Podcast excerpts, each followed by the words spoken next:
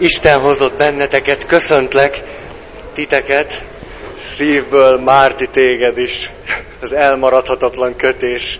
De ez ugye valami új, az karácsonyra készült. Márti azt mondja, hogy karácsonyra lesz seletkész, lebontotta, és ez valami új, szóval ugyanaz, csak... Jó, hát ez már egy filozófiai kérdés, hogy az ugyaneze vagy nem, ezt nem tudom azért vártam egy pár percet, hogy legyen mikrofon, mert most enélkül aztán nehéz volna, kicsit elment a hangom, karácsony, meg szilveszter és egyéb dolgok okán. Van egy gyönyörű szép mappám, tegnap odajött hozzám valaki, és azt mondta, hogy Feri, azt tudod, hogy ez milyen drága? És még azt is mondta, hogy ez márkás. Én, nem biztos, de minden esetre nagyon szép, és olyan hatást gyakorolt rám, hogy lát, azt sem tudom, hogy mit csinálok vele, hogy, hogy az általatok adott füzetbe kezdtem el jegyzetelni, de hogy most mi legyen, azt nem tudom, mert így elég jó. Ez eszméletlen, annyira nehéz, hogy mindjárt beledöglök, úgyhogy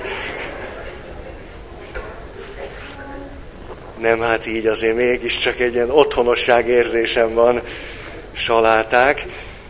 Na szóval, megígértem nektek, hogy, hogy most egy picit váltunk, és elsősorban az érzelmek felől közelítjük meg a meggyőződésnek, a hitnek a kérdését. Természetesen érintgettük azért már ezt, a, ezt az irányt is, de most sokkal alaposabban szeretnék belemenni, és egy csomó olyan dolgot mondani, amiről így biztos, hogy nem volt még szó. Egy csomó új fölismerésem van, arról nem is beszélve, hogy többek szeretete révén kaptam egy csomó könyvutalványt. És az egyikre rá volt írva, hogy december 31-én lejár.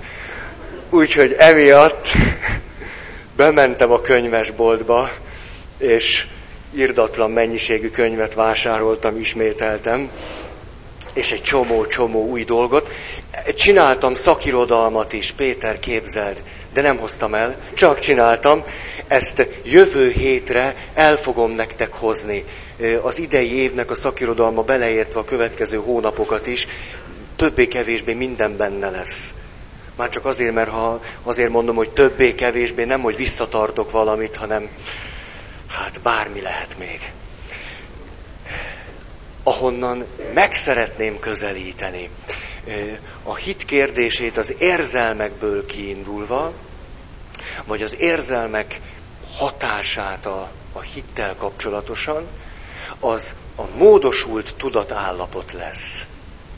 Azért ez, mert a 70-es évek elejétől egyre több tanulmány és kísérlet és minden foglalkozott azzal, elsősorban a transpersonális lélektan keretén belül, hogy a módosult tudatállapotnak a különböző dolgait leírják, és a módosult tudatállapotra általában jellemző az, hogy nagyon markáns benne az érzelmi összetevő, és ennek kapcsán nagyon-nagyon jól fogjuk tudni vizsgálni azt, hogy az úgynevezett módosult tudatállapot, ami a mai alkalom végére, ha nem volnátok ebben nagyon otthon, ki fog derülni, hogy hihetetlenül általános a mindennapi életünkhöz kapcsolódó valami, de egy egészen másfajta, elsősorban érzelmi működésmódot jelent,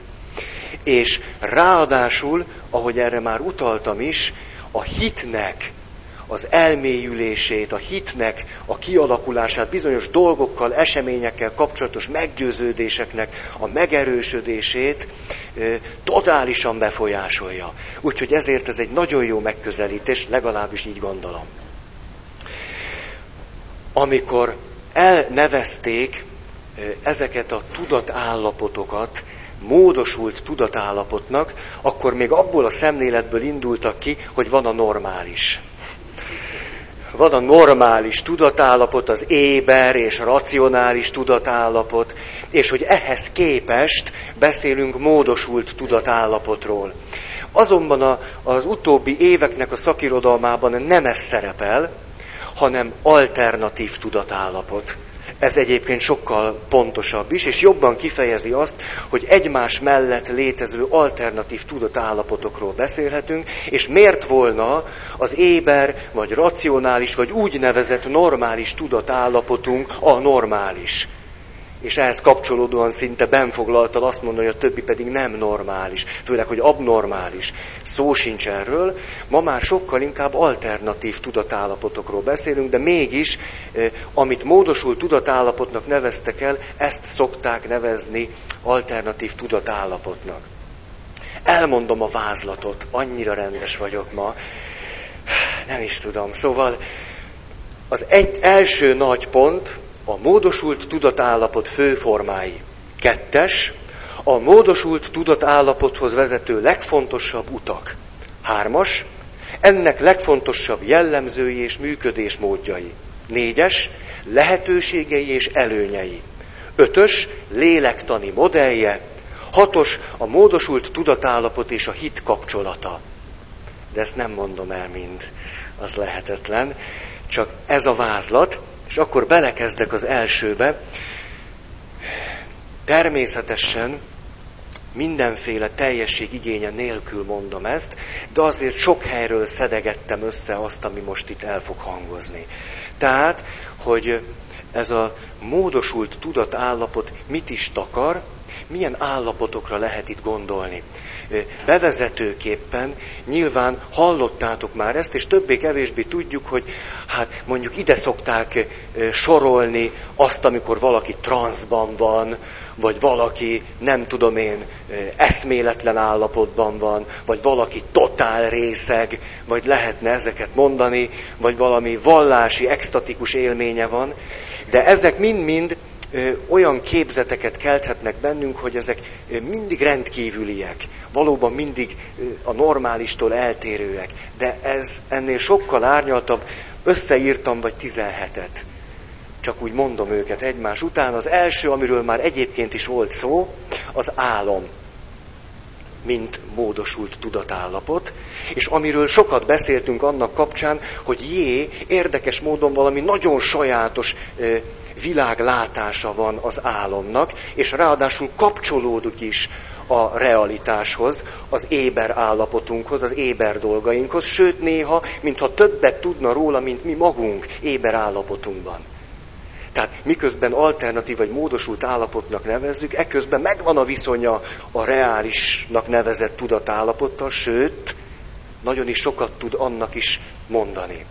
Erről tehát nem akarok többet beszélni. A második ilyen tipikus félálom, álom ittasság. És ezek az állapotok, hogyha olvastok ezzel kapcsolatos könyveket, akkor nagyon sokban megjelenik az, hogy a legtöbb és leghatékonyabb, szinte minden különösebb erőfeszítés nem igénylő módszer arra nézve, hogy, hogy magunkat meggyőzzük valamiről, az az, hogyha ilyen ébredés közeli állapotban, meg, meg alvás előtti állapotban mondjuk magunknak a pozitív mondatokat. Ez már szinte tényleg semmi energiába nem kerül, és nagyon hatékony. Azért, mert ezek az állapotok már nagyon nyitottak a tudatalattira, és nem kellett érte semmit sem küzdeni. Egyszerűen úgyis belecsúszunk. Na, erről se akarok többet, illetve talán annyit, hogy, hogy katonaságnál éltem át nagyon érdekes pillanatokat. Akkor, amikor nem volt szabad aludni, mert mondjuk ügyeletes alegység nem tudom, hogy ti ezt átéltétek-e, főleg a hölgyeknek van-e ilyen élményük. Az ügyeletes alegység az egy nagyon izgalmas dolog, hogyha ott vagy mondjuk a harmadik emeleti folyosón, és mindenki alszik, akkor te beállsz egy kockába. Ez nagyon izgalmas, föl van festve, két havonta újra festik, a szép linoleumon van egy kocka, és ott állsz. Takarodó után meg van engedve, hogy leülj de közel kell lenni a kockához, azért mégiscsak rendnek kell lenni, és ha valaki jön, akkor mindig be kell állni a kockába. Tehát minden fontos esemény a kockában történik, és egyébként pedig ugye ott, ott mászkálsz egész éjjel, 12 órás valamicsoda, és próbálsz nem elaludni. Én remek jókat miséztem ott, nem voltam még pap, nem azért, de fantasztikusat, azzal tartottam maga ébren, hogy mindent végigmondtam, végig énekeltem, végig szuper jó volt, és amikor ott, ott nem tudom én, hajnalban 5 óra, 6 óra, de még sötét van télen, ott, ott küzdködsz azzal, hogy, hogy hát szóval akkor egy nagyon érdekes tudatállapotba kerülsz. Az érzelmek és minden nagyon-nagyon sajátosak lesznek, de hát ilyen bulis élményetek nyilván van ezer számra. Ez csak azért, azért érdekes, mert itt szinte semmi nincsen. Csak az, hogy ébren kell lenni. Mint hogy valaki mondta egy milyen ilyen határőr alakulatnál, hogy hihetetlen mennyiségű népszabadságot, meg, meg helykatona, katona című lapot, meg ilyeneket rendeltek, és senki nem tudta, hogy miért ilyen művelt ez az alakulat, és kiderült, hogy dehogy is fáztak a nyomorultak, és nagyon jó hőszigetelő a papír. És a molinóra rávették a papírt, és azon volt az ubbony, és akkor nem fáztak. De újabb és újabb ilyen elismeréseket kaptak, hogy ebben az alakulatban mindenki olvas. Persze, próbáltak nem megfagyni. Tehát félálom és állam ittasság. Na, a harmadik meditációs állapot, ima. Ide sorolnám mindenféle úgynevezett vallásos, transzcendens élményeket. Nem ritka az, hogy valakinek az élete során azért ilyen adódik. Vagy így, vagy úgy, vagy valamilyen formában adódik azért. Lehet, hogy kell egy kis segítség hozzá. Tehát mondjuk éppen elhagyott a szerelmed, vagy valami ilyesmi. Az a vallásos élmények kialakulásának egyik nagyon ösztönző módszere lehet. De nem kívánom senkinek, de, de érdemes vele legalább kísérletezni. Ne, nem azzal, hogy elhagyjanak,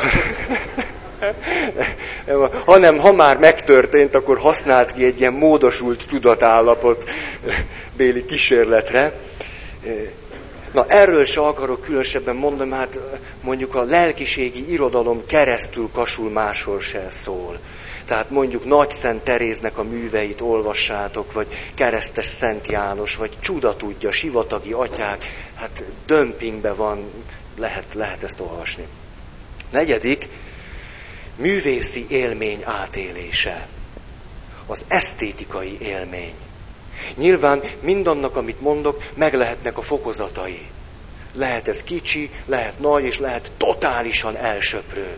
Én emlékszem egyszer Zena Akadémián, eh, akkor még a romantikus korszakomat éltem, eh, csak a zenében, úgy egyébként soha, de a, eh, eljött Hikmet Simsek, ugye ismeritek a zenészeket próbálom kiszúrni, pedig, pedig nagyon neves török karmesterünk, soha életemben nem hallottam, de, de látjátok az élmény. És vezényelte Csajkovszkijnak a negyedik szimfóniáját, és én, én nekem a hajam, a szőröm égnek merett, és szóval olyan élmény volt, hogy én, én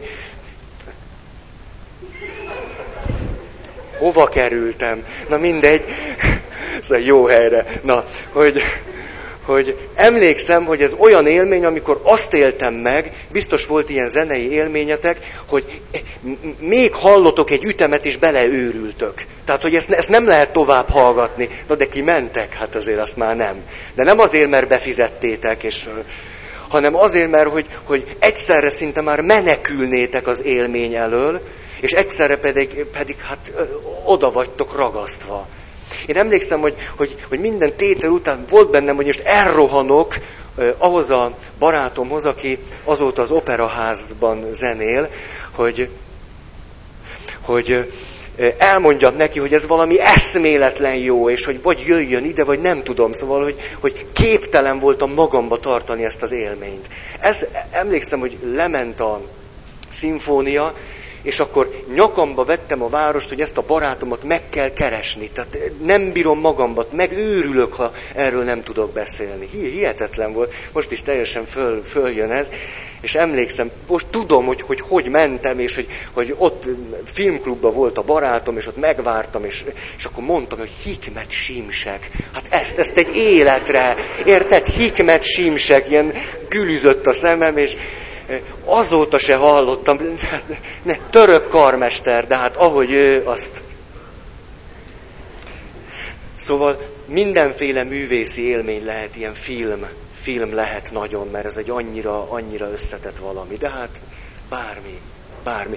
Olvastatok már úgy, hogy, hogy le, lecsaptátok a könyvet ilyen, ilyen idegesen, is, akkor fölvettétek, akkor három sor. Ez nem lehet igaz, ez nem lehet ilyen jó. Volt már ilyen élményetek? Hát ez, én emlékszem középiskolás koromban, valószínűleg akkor egy kicsit a hormonális változások besegítettek, hogy például az orosz klasszikusokat olvastam így, Dostoyevskijt. Neked is? Hogy... szóval Karamazov testvéreket, azt emlékszem, azt, azt nem lehetett úgy elolvasni, hogy jó, hát olvassunk egy kicsit. Hát ez ne, nem egy ilyen könyv, hanem olvasol, és ez nem lehet igaz, ez ne, nem így mondatonként őrültem bele. Azóta egy kicsit jobban vagyok, de hogy... És én emlékszem, hogy azt leraktam föl, le, föl, mentem, akkor ezt vittem magammal, ugye a WC, ez ott, hogy mindig megérkezek, WC ki, nem, ezt nem lehet, leraktam föl. Szóval, na a művészi élmény, és akkor egyszer csak, egy picit elővételezem ezt, hogy, hogy egyszer csak már ott vagy benne a regényben.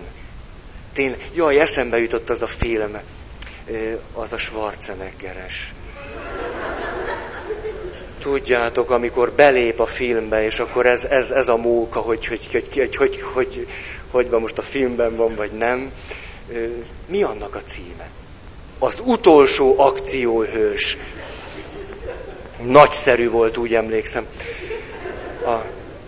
Na, ez tehát művészi élmény átélése minnyájunk által ismert módosult vagy alternatív tudatállapot, és ide tartozik az is, amikor az ihletettség pillanatát éled át, amikor nem csak befogadsz, hanem alkotsz valamilyen formában. Nekem úgy tűnik, hogy megint csak bárkire nézek, biztos vagyok benne, hogy írtál valaha életedben egy verset legalább, vagy nem rajzoltál, vagy nem tudom, szóval valami csak történt veled, és én nekem néha, néha vannak pörgős időszakaim. Mostanában nem, most le vagyok már lassulva, de emlékszem, hogy például Terézvárosi ifjú koromban volt egy olyan év, el is mentem egy-két nálamnál bölcsebb szakemberhez, hogy nincs-e velem valami baj, mert mondjuk lement a nap, de dolgoztam reggel héttől este 11-ig, és akkor elkezdtem olvasni, és pörögtem, és hajnalba is, és föl sem merült, hogy aludni. Egy ilyen teljes, tényleg szinte transz, transzba kerültem néha, és, a, és írtam, írtam, ilyen eszetlenül írtam egy csomó mindent, és utána annyira, de volt mondjuk egy óra, vagy kettő, hogy föl kellett volna kelni, de még le se feküdtem.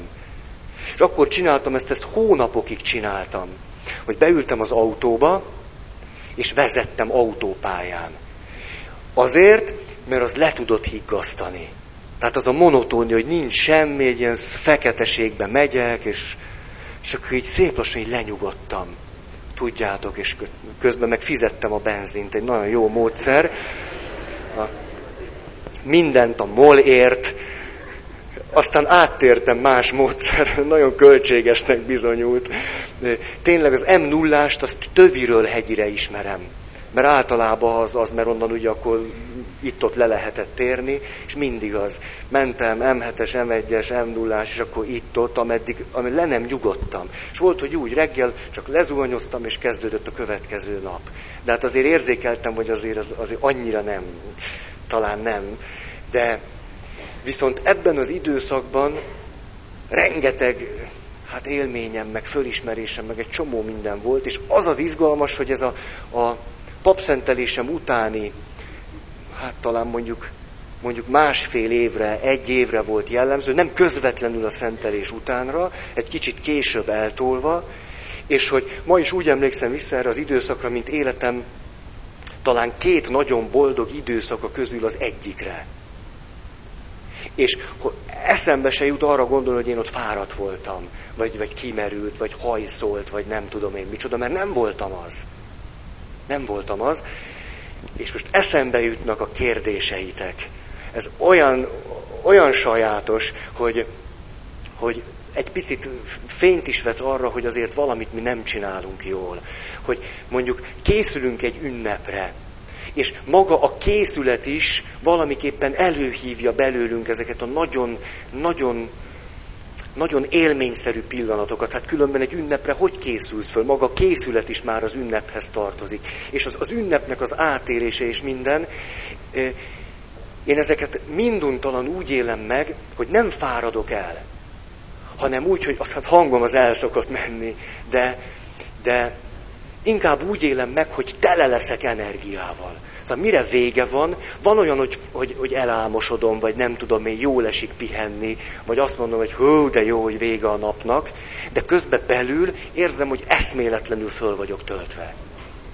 És most, és közben te, ti nem ezt kérdezitek, legalább 15 ember kérdezi, hogy nagyon, nagyon fárasztó volt ez a, ez a karácsony, na, nagyon ki, ki készültél. Nem furcsa ez? Hogy az, most nem személy szerint rátok mondom, de hogy mondjuk hívő embereknek az a képzett társítása a pap karácsonyához, hát biztos kidöglött totál. Biztos teljesen kipurcant, és azt mondja, hogy de jó, hogy évente csak egy ilyen van. Hát jó, nevezhetjük munkának, de hogyha ez egy, egy élmény.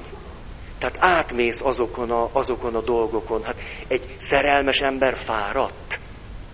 Dehogy fáradt. Hát mindenre van ereje. Hát nem? Nem tudom, kire nézzek, na mindegy. Nézem a papírt, az nem néz annyira vissza.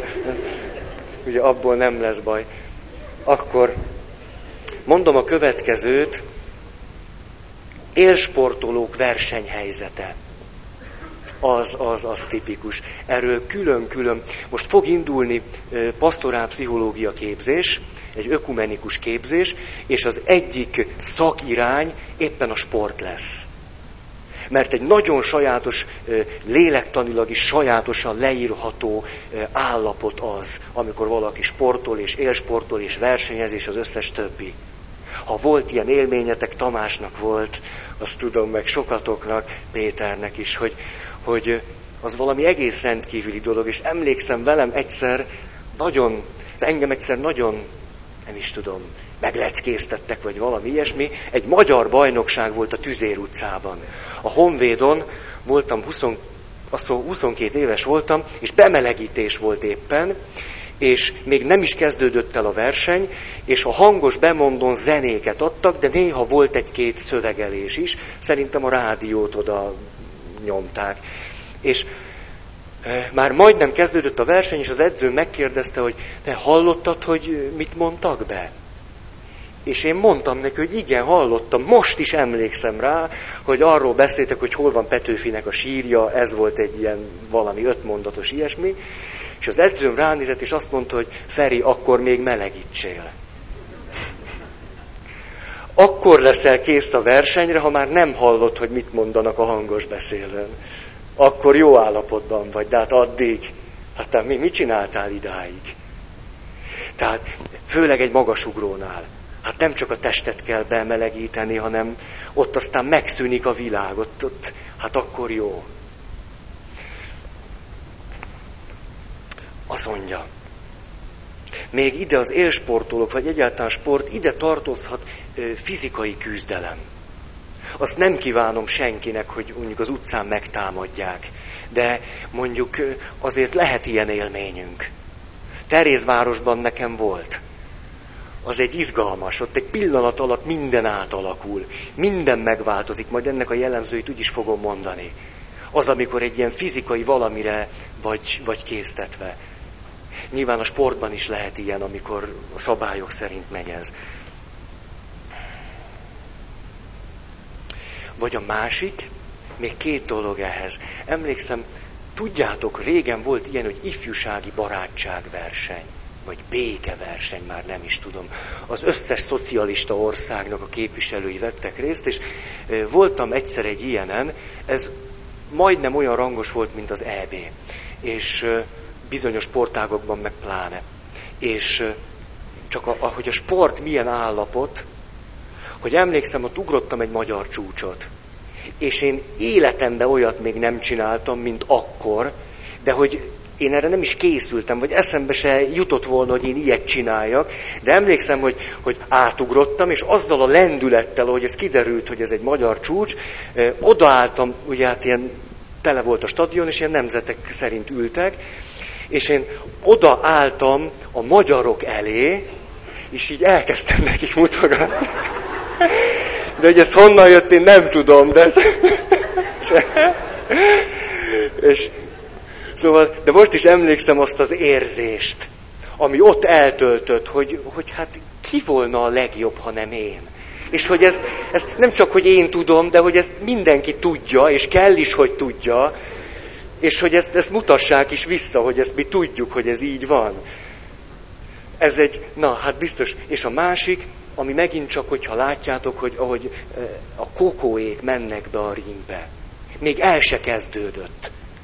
De látszik, hogy szóval nem csak a fejüket ütötték be, hanem te, teljesen el, el vannak szállva. Azért azt kipróbálnám egyszer. Odáig. Aztán...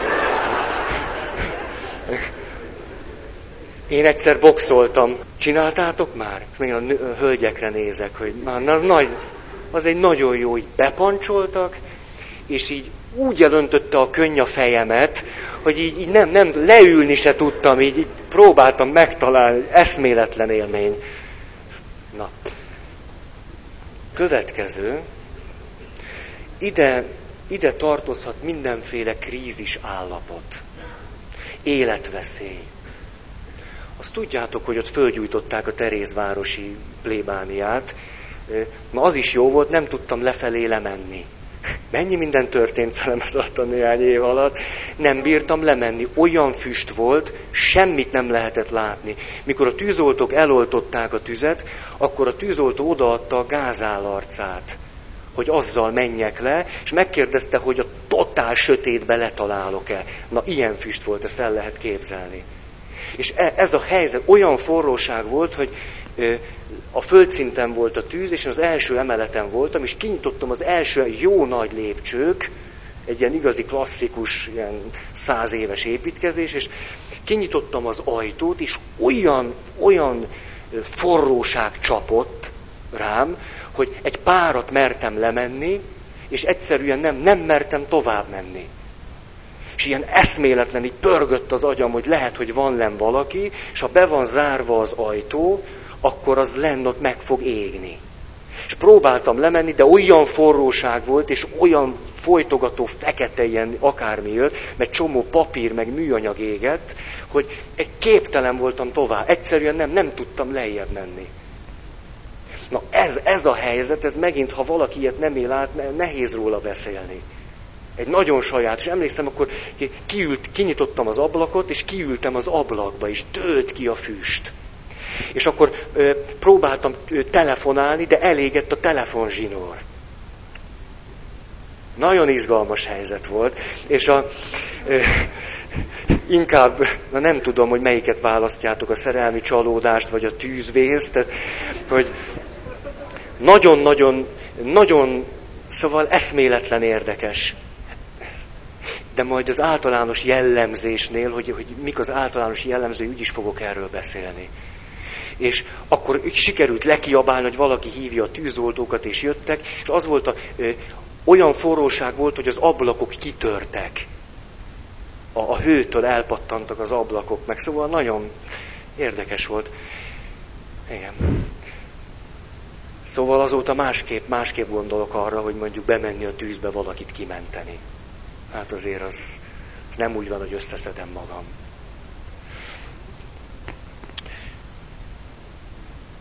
Ilyen krízis helyzet lehet a gyász is. Ezt itt szól valakinek a, hogy a gyász az megint csak egy minnyájunk által ismert, teljesen ebbe a körbe tartozó alternatív tudatállapot. Minden más. A gyászoló ember mindent másképp él meg. És ez nem föltétlen haláleset. Tudjuk azt, hogy, hogy gyász élményünk lehet egészen, egészen másféleképpen is. Egy szerelmi csalódás is a maga módján egy gyászélmény lehet. Vagy akár, hogyha elég a lakásunk, az is egy gyászélmény. Vagy akár micsoda. Épp Andrewékkal beszélgettünk erről, hogy mondjuk roma temetéseknek van egy nagyon sajátos jellege. Mert ugyanis ők sokkal ösztönösebben élnek meg alternatív tudatállapotokat szinte megvan a forgatókönyve, ahogy, ahogy belemennek ezekbe a, ezekbe a helyzetekbe. És csak utalásszerűen, hogy mínusz 20 fok volt, és ott állunk a nyitott koporsóval, és már majd megfagyok, és tudjátok, anélkül nem lehet leengedni a koporsót, hogy el ne pikolóznák a nyolc legkedvencebb nótáját az elhunytnak. És ott állunk, tudod, én megfagyok, mert én normál tudatállapotban létezem ott, de ők nem. Ők nem, egy, egy atléta trikóba is ugyanúgy eljátszanák a nyolc nótát, és az történik, mint aminek megint megvan a forgatókönyv, hogy lemegy a nyolc nóta, és így tudjátok, ilyen, ilyen lefagyott kézzel emelem a szentelt vízhintőt, mert az, hogy, és akkor utána lehet a rögöt rádobni, és akkor mit csinál a, a, a gyászoló feleség, hogy ne még, játszatok! És ez, na ekkor kerülök én is egy ilyen alternatív tudatállapot. Jáló. Megint a pikoló nyolc szám, akkor utána, hogy utána ugrok. És az a vicc, tudjátok, az a vicc, hogy én ezt többször néztem már, közvetlen közelről, nem tévé, nem csalás, nem ámítás, ha őt ott nem kapja el valaki, az tényleg beleesik. Ez komoly, a beleesik. Tehát ott az nem úgy van, hogy e, tudjátok ilyen, na, ki, ki kap el. Tehát ez, ez nem egy ilyen mozdulat. Tehát így szembecsukva és elindul. De hát megvan, van, aki elkapja. Akkor utána vizet, vizet. Tudja, mínusz 20 foktól, jég mindenütt, ez, hogy azt honnan, ezt el is viszem, mert holnap temetek kettőt, ki tudja, hogy mi vár rám, és a, és akkor rohannak, akkor elájul, akkor vigyetek el, akkor gyorsan beszentelem, tudjátok, jó, jó, akkor visszajön. De már szerencsére akkor be van már, akkor... Szóval az, az, ami most a gyásznak nyilván meg nem akar... Na. Remélem nem értitek ezt félre, most nem egyszerűen csak az állapotnak a leírására vállalkoztam. Aztán ilyen lehet a baleset ha akármilyen sérülés, komoly autóbaleset, meg minden. Talán erről nem is kell beszélni, ha volt ilyen élményetek, akkor aztán pláne. És ugyan ide tartozik betegség, még főképpen műtét. De nem csak az, amikor a műtéten vagy, műtét előtt, műtét után. Adott esetben egy, egy súlyos betegségnek az állapota, a láz, és ezek mind-mind nem a szó szoros értelmében vett racionális, éber, normális tudatállapotok. Aztán hipnotikus állapot. Ilyenben is van azért részünk. Talán ez tömeghipnózis mondjuk. Az, az nagyon-nagyon hat ránk. Hogyha ha, ha átéltétek velem együtt a rendszerváltást, akkor mondjuk egy-egy százezres tüntetés, annak, annak olyan, olyan élménye van, hogy, hogy egy, egy életre meghatározza a politikához, egy párthoz, egy politikushoz, a történelemhez, és bármihez való viszonyunkat. Megint csak érdekes, hogy mennyire, hogy képzeljétek, járok most a papnevelő intézetben, nem ilyen, hogy elmaradt egy-két órám, nem, nem, mert az is igaz, de, de nem, hanem ilyen csoportot vezetek ott most szeptembertől, és akasztják a hóhért. hogy hét évvel ezelőtt onnan rúgtak ki, és most oda járok. Ez egy nagyon, látjátok, az egyháznak a... Vagy ezt mondtam múltkor? Nem? Na, képzeljétek. És ö, ugye jövök, és azért hív, hát, hogy pap, meg mi egymás. És az első alkalommal egy-két mondatot mondtam magamról, nyilván ilyen bemutatkozásként, és mondtam, hogy na van-e valakinek kérdése. És az első kérdés így hangzott, hogy atya, biztos te is átélted a rendszerváltást, milyen volt az neked?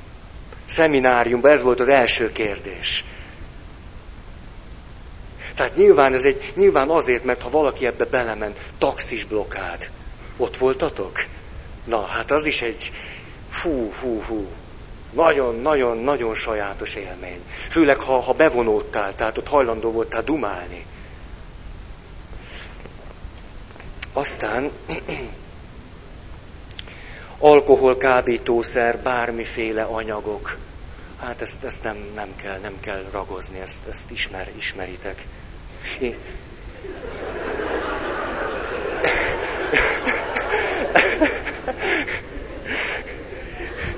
Na jó, nem. Na mindegy. De nem, azért mégiscsak elmondom. Kábítószer élményem nincs. Még egy átkozott füves cigit se szívtam el, ne haragudjatok, nem, nem. De egyszer életemben kipróbáltam az alkoholt, hogy az milyen. Nagyon érdekes. Úgy emlékszem, három liter almabort ittam meg, mindenféle előzmény nélkül, viszonylag rövid idő alatt egy bankett alkalmával, egy verseny után, mindez Erdély országban történt, és emlékszem, hogy voltam legalább, hát legalább 17. Hát legalább, és rám ilyen nagyon meg, meglepő hatást gyakorolt. A hetedik liter. A hetedik még? Mi csak kibeszélt. Tehát mondom, a harmadik liter után, harmadik liter után vadul elkezdtem udvarolni valakinek, majd rohantam a WC-re. Szóval az nagyon sajátos volt, tudjátok, lefeküdtem, és így... Vagy erről meséltem már nektek? Talán nem. És amikor másnap fölkeltünk, akkor sugárzó arccal az edző bejelentette, hogy most pedig az erdélyi havasokban teszünk egy kirándulást, autóbusszal. Hát, ez is megint egy módosult tudatállapotot eredményezett, finoman fogalmazva. Na, azt tudjátok például, hogyha egy kicsit mondjuk gyöngébb alkatú sámán próbált ilyen módosult tudatállapotba kerülni, akkor mondjuk nem csak a sámán dobját veregette megfelelő ritmusra, hanem azért a gyilkos galócából is nyalogatott. Ezt tudjuk. Szóval bármiféle dolgot ide lehet csatolni. Aztán ide tartozik mély relaxáció, ellazulás, nagyon mély ellazulás. Az ugyanilyen állapotot eredményez. Hát erről nem. Vagy igen? Igen. Édesanyám eh, foglalkozott ilyesmivel nagyon sokáig. És emlékszem, hogy talán 8 vagy 9 éves lehettem, amikor először bejött és elhatározta, hogy megtanít engem relaxálni. Ugye van egy iker testvérem is, és máig emlékszem erre az élményre, hogy ott feküdtünk, még az ágyak ilyen ellalakban voltak, és akkor lazultunk, meg minden. És bennem volt némi félsz, hogy édesanyámmal valami baj van, és mikor mondta ezeket, hogy nem érzed a kezed, meg ilyesmi.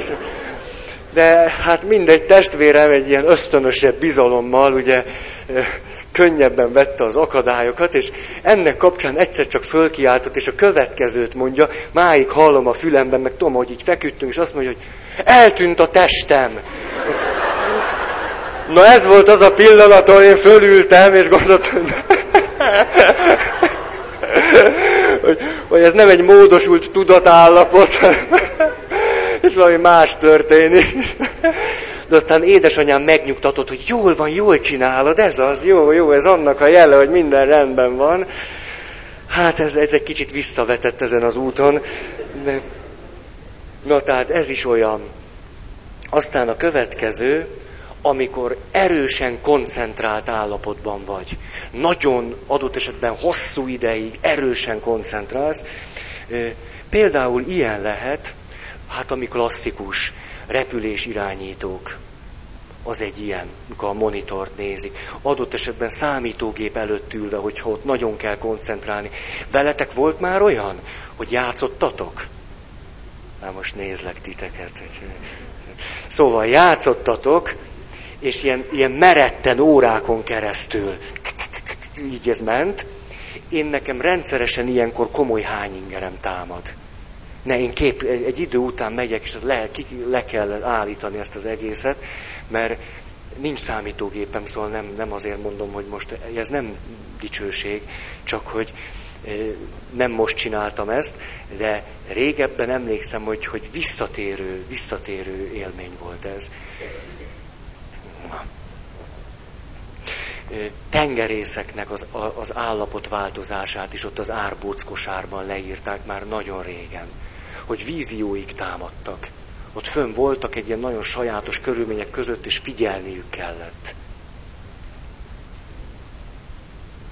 Aztán mindenféle komolyabban ingerszegény állapot vezethet ide. Van egy nagyon érdekes kifejezés, nem is tudtam, hogy ezt így hívják, autópálya hipnózis. Hogyha nekem most nyáron volt ilyen, ahogy mentem, 160 német autópálya. Hát azért az egy... És órákon keresztül, óra, óra, óra, óra, egy, egy hiába kapcsolod be a rádiót, nem segít. Nem segít, egy teljesen, teljesen sajátos világba kerülsz. A sebesség teljesen eltűnik. Nem érzékeled már, hogy mész kinyithatnád az ajtót és kiszállhatnál. Tehát csak tényleg csak a, a, a, a, az éber tudatodnak a morzsái mondatják veled, hogy ez most egy veszélyes helyzet. Mert még ennek az érzete is megszűnik, hogy ez egy veszélyes helyzet. Belemennél 160-nál akármibe, hogy most egy kis verseny, vagy nem tudom. Szóval egy, hát én legalábbis. Aztán ide tartozhatnak a klasszikusan vallási élménynek nevezett állapotok, de ehhez kapcsolom most ének, tánc, a dervis tánca, tezéi találkozó. Bizonyos szempontból ide kapcsolható monotonan énekelt ugyanolyan ének, ugyanabban a közegben, ücsörögsz, nem mozogsz, nagyon-nagyon-nagyon sajátos állapot. Ha átlendülsz azon a ponton, hogy, hogy nem tudom én, hogy fáj a feneked, vagy ilyesmi, akkor, egy, akkor megszűnt az idő. És akkor van az, hogy, hogy megdöbbensz te magad is, ezért szokott fiatal embereknek néha az első komoly vallásos élménye tezé imaóra lenni, hogy hogy lehet az, hogy én négy órán keresztül imádkoztam. Ez velem nem fordulhatott elő. Ez lehetetlen. Mert egyébként a misét öt perc múlva unja. A rózsafüzér föl sem erül. Hogy kézbe veszi, már elalszik. És ott a tezéi találkozón négy óra elmegy, és a, mondjuk a három és fél óra után oda megy a kitett, kitett feszülethez, tudjátok, az, az ikonhoz, és még egy óra térdelés ott. És utána mész haza, és azt mondod, hogy de tök jól vagyok. És szinte nem is kellett hozzá sok. Ezért egyébként, ha ezt, bár, hát, szóval, ha, ha kim, kimarad az ének a liturgiából, akkor az, az, az elkeserítő. Hát elkeserítő. Hát muszáj énekelni. Ezt többször említettem, csak hát mondom, hogy ha, valaki úgy ülött, hogy, hogy hát egyen, totális összefüggés van a között, hogy valaki nem érzi ott jól magát, unatkozik, kritikus, mit tudom én, micsoda, és a között, hogy énekel vagy nem. Semmi más nem kell csinálni, hogyha neked bajod van a Szent Misével, mint énekelj végig mindent. Ez, ezt ajánlom csak. Egy pillanat alatt az egész helyzet meg fog változni. Nem, hát a... a, a nem.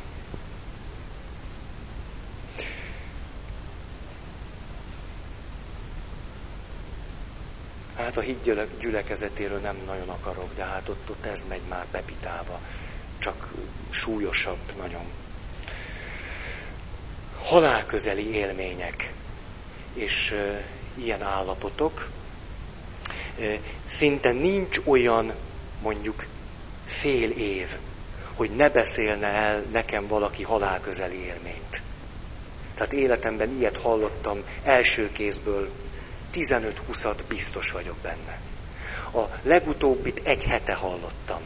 De is szoktam is ezeket mondani, de ezt most elmondom azért, mert egy nagyon sajátos, éppen ez a tudatállapothoz és élményhez kapcsolódó következménye lett.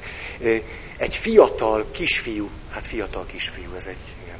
Tehát, mert fiatal embert akartam, egy, egy kisfiúról van szó, aki talán még iskolás korú sem volt, amikor elvesztette az eszméletét a kórházban, azt élte át, hogy kilép a testéből, látta, hogy mi, mi folyik körülötte. Ez a klasszikus, ami, ahogyan ezt leszokták írni, ezt élte át. Öt évesen nyilván nem olvasta még előtte, hogy ezt hogy kell csinálni, és megszámolta, hogy hány injekciót kap.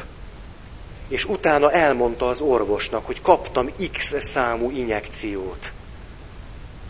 És hát ahogy ez szokott lenni, ugye klasszikus, hogy nem hitték el, hogy ezt kimondta neked, hogy ennyit kapt. És nem mondta senki, hát láttam. Tehát nem láthattad, hát... De hogy láttam, és... De hogy mi ebben az izgalmas, ez történt valamikor későn, este vagy éjjel, és másnap, hogy fölkelt ez a kisfiú, eszméletlen jól volt az élmény úgy hatott rá, hogy miközben egy, egy, egy súlyos állapotból ébredt föl, annyira jól volt, hogy a következőt csinálta, fölmászott a fűtés csőre. Néhány órával az eszméletvesztése után, hát ahogy egy gyerek normálisan csinálja, hogyha nem érzi magát betegnek. Úgy föl volt töltve, hogy lógott a fűtés csövön, amikor az édesanyja belépett. És a, az édesanyjának, az, ezt ő mondta el, három vagy négy napja beszéltem ezzel a valaki, és azt mondta, hogy, hogy az volt a drámai ebben a pillanatban, ugye, hogy az édesanyjának az utolsó információja az volt, hogy a fiam nagyon beteg. És belépett, és ránézett az ágyra, és az ágy üres volt. És az anyja mielőtt elájult volna, vette észre, hogy a, a, a, a gyereke ott lóg a fűtéscsövön, és egy semmiféle komoly problémának jelét nem mutatja. Jó, hát volt probléma, meg minden, de hogy ez az állapot, az ebből való kikerülés, és arról számolt be, amiről egyébként is, hogy, hogy eszméletlen jó volt. Azt mondta, hogy tök jó volt, hogy félelem nulla, nulla, semmi félelem. És hogy ez az állapot teljesen természetes volt mint ahogy amikor benne vagyunk egy ilyen állapotban, akkor az úgynevezett éber normális állapot tűnik furcsának. Aztán szexuális élmény, az ide tartozik. Már akinél ez jól megy. Az, az ez a terület. Azután tömegélmény, de erről már volt szó. Aztán, ami nagyon érdekes, valaki azt mondta nekem, egy szülész, nőgyógyász, ú, ezt nem állom meg, pedig ezt már egyszer elmondtam, hogy a naphegytér mellett volt egy tábla. Egy orvos propagálta magát, oda volt írva, doktor méhész, szülész, nőgyógyász. Ez, és középiskolás korunkban ezt a táblát ilyen liturgikus módon látogattuk meg. De komolyan mondom, volt olyan, hogy nem tudtuk, hogy mit csináljunk, kicsit unatkoztunk, és azt mondtuk, hogy menjünk föl és nézzük meg. És ezt, ezt többször fölmentünk, megnéztük, ott van, ez így van. Na, egy jó kis történés. Na, egy szülész nőgyógyász mondta el nekem ezt, hogy szerinte háromféle ember van. Férfi, nő és szülőnő. De ez nem, nem kritika, vagy nem negatívum, hanem azt mondta, hogy, hogy ő úgy látja, hogy egy szülőnő az egy külön ember valami. Szóval az, tehát az, az, az nem férfi, az nem nő, az szülőnő, vagy szülőember, de hát ez így hülye hangzik. Hogy ez egy annyira sajátos állapot és élmény, és minden, minden. Nem próbáltam. És az utolsó a szerelem. Tehát ez már az egy nagyon sajátos tudatállapot. De módosult, az nem abnormális, ugye? Teljesen normális. Na, ennyit ezekről. Azért akartam nem csak azt mondani, hogy egy, kettő, három, négy, öt, hat, hét, az, az jó, jó, hát, de hogy egy, egy picit, picit mindegyik, mindegyikből egy, egy, egy, egy kép, vagy hogy jöjjön elő belőletek ez, ez, ez, a, ez az élmény. És hogy most látunk, látunk egy nagy kört, és nem teljes, még egy csomó mindent lehetne beletenni, és látjuk azt, hogy a hétköznapi életünket keresztül kasul szövik, ezek az úgynevezett alternatív tudatállapotok, amelyek más logikára működnek. És nagyon jelentősek az érzelem és a hit viszonyát illetően. Nagyon jelentősek. Most a második pont, hogy hogyan tudjuk mondjuk előidézni az ilyen tudatállapotokat. Egyrészt nyilván egy csomóról tudjuk. Tehát megveszem a kadarkát, meg a kisüstit, és már is, már is célnál vagyok. Nyilván ezeket nem sorolom, de azért pontokba szedve, hogy hogyan, hogyan osztályozhatnánk ezeket, mert lesznek benne új szempontok. Az első nagy csoport az, amikor a külvilágból érkező ingereket drasztikusan csökkentjük vagy megvonjuk magunktól. Ez az első nagy módszer. Inger szegény környezet. A hegyi beszédben Jézus azt mondja, hogy te ne a nyílt utcán imádkozzál, hanem menj be a szobádba, a zárt ajtók mögött a rejtekben imádkozzál mennyei atyádhoz. És ott megkapod azt a jutalmat, amit nem kapnál meg akkor, hogyha emberek előtt teszed ugyanezt. Nyilván itt nem valami örök életben, nem tudom én, kapott nyalókáról van szó, hanem arról, hogy, hogy igen, hogyha valaki bemegy ebbe az inger szegény állapotba, ezért nagyon-nagyon hatékony, más megközelítésből beszéltem nektek erről, a reggeli imádság. Még nagyon közel ahhoz a tudatállapothoz, amikor aludtál. Nagyon jó, nagyon nagyszerűen lehet imádkozni. Nagyon. Hát, ha nem alszol el.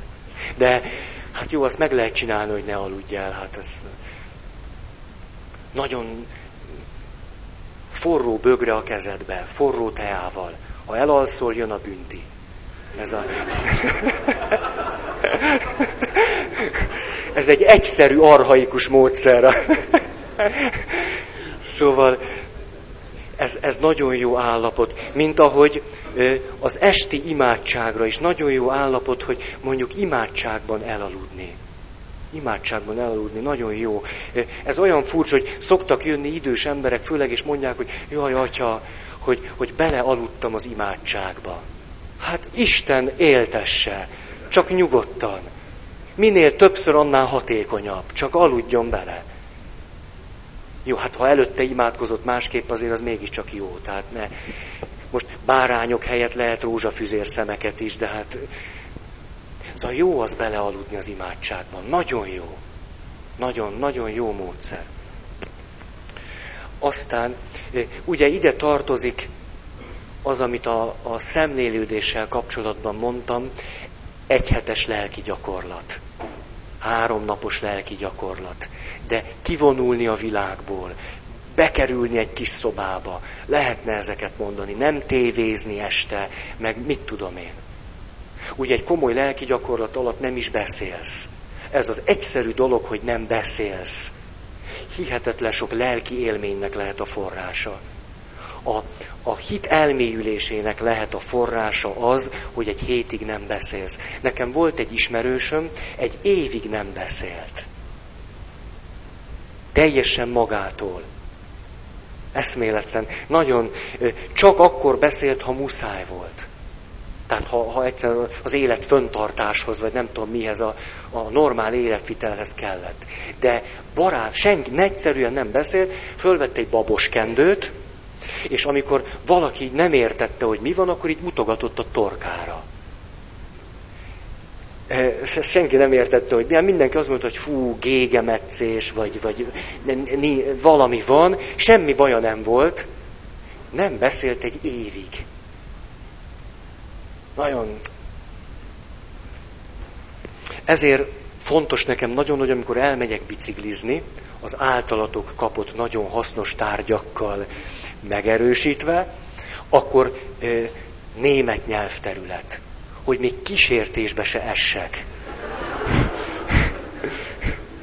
Mert németül először és utoljára az úszó óvodában tanultam számolni, tehát körülbelül itt, itt tartok de ezt már elfelejtettem. A, ehhez megint egy érdekes, hogy amikor mondjuk másfél napja szakad az eső, semmi más nem csinálok, mint biciklizek, és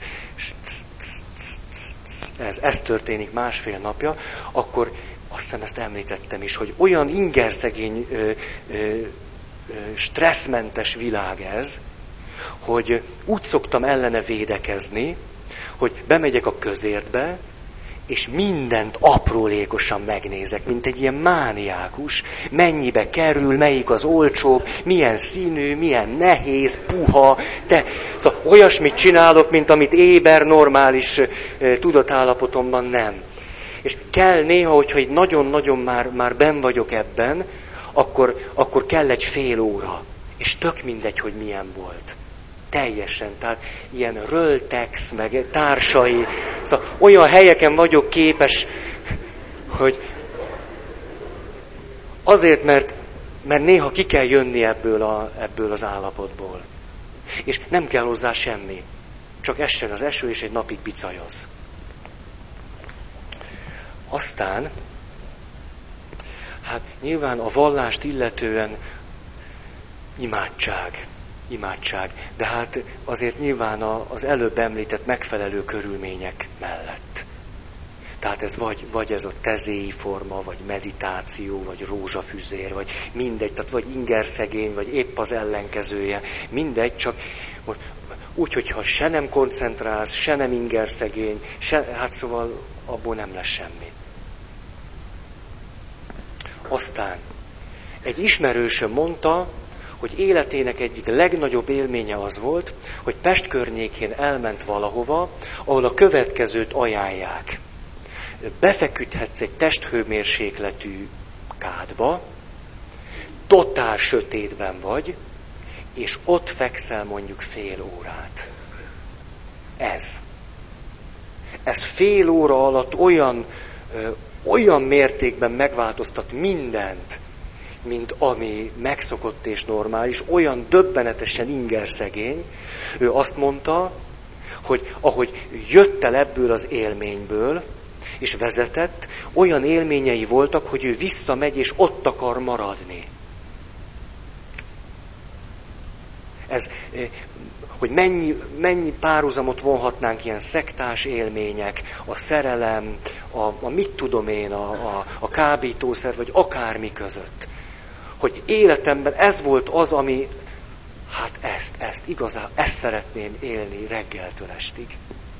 És hogy jött, akkor egy picit így kapcsolt, hogy te jó ég, ez, ez, ez itt nagyon gáz. Tehát, hogy dehogy megyek vissza, hogy ebből egy elég volt, mert függő leszek. Kát függő.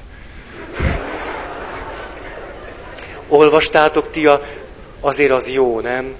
Én, én nem tudom, szóval tudjátok, mikor jön valaki, és akkor mondja, hogy, hogy nálunk csak zuhanyzó van, ez nagyon egészséges. Hát, egészséges, egészséges. Én azért belefekszem a kádba, ott döglök egy fél órát, ha jól esik. Hát kit érdekel az egészség, ha ott dögölhetek? Hát nem jó az. Hát olyan jó, hogy az, az csak hűl a víz, az a baj. Na, hogy, mert az a jó, mikor telj, teljes ilyen így érzed, hogy az izzadság csepp így lejön. de így meg nem mozdulnál, tudod így. Az, hát az, az, szóval nem tudom, hogy mivel ér föl, nem akarok nagyon szentségtörő lenni, de, de az nagyon, nagyon tuti. Ö, olvastátok a Pirx pilóta kalandjait? Stanislav Lem. Hát igen, nem vagytok elég öregek. Igen, igen. Ilyen már aki. Szóval, de ők meg nem öregek, csak sokat tapasztaltak. Hogy abban van a dili fürdő, pontosan ugyanez hogy a, az űrutazásra készülő Pirx pilótát ebbe a dili fürdőbe pontosan azonos a testhőmérséklettel, és akkor ott mit tudom, hány órát bírja, és akármi. Hogy ilyen egyszerű módszerekkel. Na. Aztán tulajdonképpen ilyen ingerszegény világnak tekinthető a gyász is. A tudat totális beszűkülése. A gyász kórházi állapot, hosszú kórházi kezelés. Olvasom múltkor az újságot, hogy a Viszk is azt nyilatkozza, hogy nagyon remélem, azt hiszem azt mondta, hogy, hogy 7 év alatt megúszom. Mert hogy most pszichológiát olvasok, az egyik könyvben olvastam, hogy, hogy 7 év az az idő, ami után már visszafordíthatatlan változások történnek az inger szegény sajátos környezet miatt. Hát nyilván ez azért nem így van. Már hogy 7 éves akkor. De börtön az ilyen, ilyen lehet. Ezért egy idő után ez most már egyértelmű, hogy ha mondjuk az elítélésnek az a célja, hogy valaki a börtönben jó útra térjen, és ott túl hosszú időt marad, akkor ez hiú ábránt. Az idős állapot is tulajdonképpen egy módosult tudatállapot. Az öregség akkor, hogy hát nyilván az öregséghez kapcsolódó klasszikus tünetek is megjelennek. Aztán ilyen, ez főleg a vallás, vallásban egy nagyon klasszikus út, bizonyos természetes dolgoknak a megvonása. Étel, bőjt, ital, bőjt vagy alkohol, ugye, hogy nem lehet, nem lehet szeszes italt fogyasztani. Önmegtartóztatás, szexuális szükségletek, ilyen elemi kielégítése, alvás, alvás megvonás, amit úgy hívunk, hogy virrasztás. Mindennek megvan a szép elnevezése. Pontosan azért, mert tudjuk, hogy ha ezeket megtesszük, főleg ha ezekből minél többet teszünk bele a rendszerbe, annál inkább jönnek, jönnek, jönnek a, a a hitünk szempontjából fontos élmények. Na, erről persze egy csomó szó lesz. Az éjféli mise, az mindig egy nagyon sajátos élmény. Ezért érdemes. Nálunk például megbeszéltük a főnökömmel, hogy húsvétkor is mindenképp lesz éjfélkor mise. Mindenképpen. Már csak azért is, mert közületek többen ott fognak megkeresztelkedni. Azt akkor kell. Álmosan, minden. Ú, de jó lesz.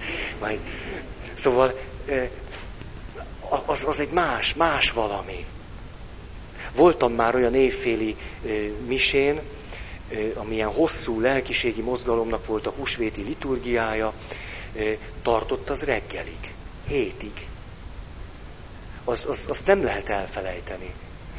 Azóta is, vagy emlékszem, hogy, hogy mindig volt egy olyan fájdalom bennem, hogy mondjuk főleg még 5-10 évvel ezelőtt, hogy mi a húsvéti, nem tudom én, liturgiát, nagyszombati liturgiát elkezdtük ötkor, meg hatkor, meg hétkor. És én, e, szóval akár mi is történt ott, mindig tudtam, hogy ez, ez húsvétkor nem elég. És akkor átmentem a rózsák terére, mert ott éjfélkor kezdődött a liturgia. Tehát nekem a húsvét azzal volt teljes, hogy végigcsináltam a teljes húsvétot nálunk, latinoknál, majd átmentem élvezkedni éjfélre a görögökhöz. És ott újabb két óra. És amikor adnak vége lett, na akkor, akkor jöhetett a sárga túró. Ugye az egy klasszikus szabolcsi, nagyon finom. Ettetek már? Pedig az.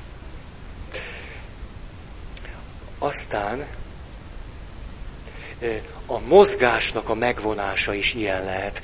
Mondjuk az imádsághoz kapcsolva. Ülsz, ülsz, ülsz, ülsz, ülsz, ülsz. Vagy az állás is. A pap, amikor egy liturgiát végig áll, nagyon-nagyon érdekes ám. Nagyon. Ti, ti nem abban az állapotban vagytok, mint én. Egy egyórás, egyszerű vasárnapi mise egészen sajátos tudatállapotban történik a pap részéről. Azt nem tudom elmondani, hogy milyen. Azt, azt, ezért van az, hogy ti ezt el sem hiszitek, amikor mondjuk pap azt mondja, hogy, hogy hát két misét még szívesen elmondok, de hármat már nem. És afölött emberkínzás. Egyszerűen így van. Pedig hát látszólag hát semmi különös. Mi az a 45 perc, kiállsz, mondod, rutinból, egyszer kell csak készülni, ugyanaz a beszéd, de egyszerűen, hát igen. Hát miért? Készüljek mindegyikre külön? Nem, hát ugyanaz. De hát úgyse tudom ugyanúgy elmondani. De olyan Szóval az, az, az a fáradtság, vagy az az, az, az az este, ami vasárnap ér el engem, az semmi máshoz nem hasonlítható. Egyszerűen semmihez. Pedig csak mondjuk hármat miséztem. De ugyanilyen a gyóntatás is. Fú, főleg az ember szekrényben. Ülsz sok jobb. A, ugye a régi gyóntatószék az nagyon-nagyon e, emberi volt, mert legalább jobbra néztél, balra néztél. Ez, Hát én se férek el jobban, mint ti. Hát a lábamat nem bírom kinyújtani. És e, tudjátok én, hogy kereszt, kerültem keresztúrra? Na elmondom. Egy sajátos tudatállapotba hozták a püspököt. Komolyan, mert az történt, hogy, hogy keresztúr egy olyan vallásos világ ám, hogy mondjuk húsvétkor egymás után vannak a lelki napok, három, elkezdődik a gyóntatás mondjuk négykor vagy ötkor, és tízig, tizenegyig. Na, az aztán az izgi. Űzben. Ez megy, és a főnököm, amikor a mondjuk 18. ilyen húsvéti gyóntatásban nézett jobbra-balra, akkor azt mondta, hogy neki kell egy káplán. De hát nem úgy csinálta, hogy, hogy a püspöki karnak az éber, normál tudatállapotára igyekezett hatni, mert az reménytelen. Hanem, hanem a következőt csinálta. Meghívta a püspökatyát gyóntatni.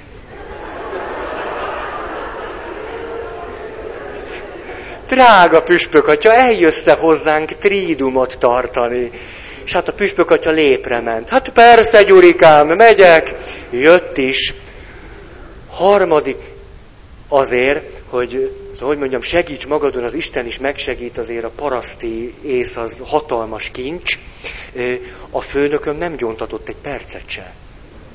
Tehát hagyta a püspököt 5-től 11-ig. Három nap.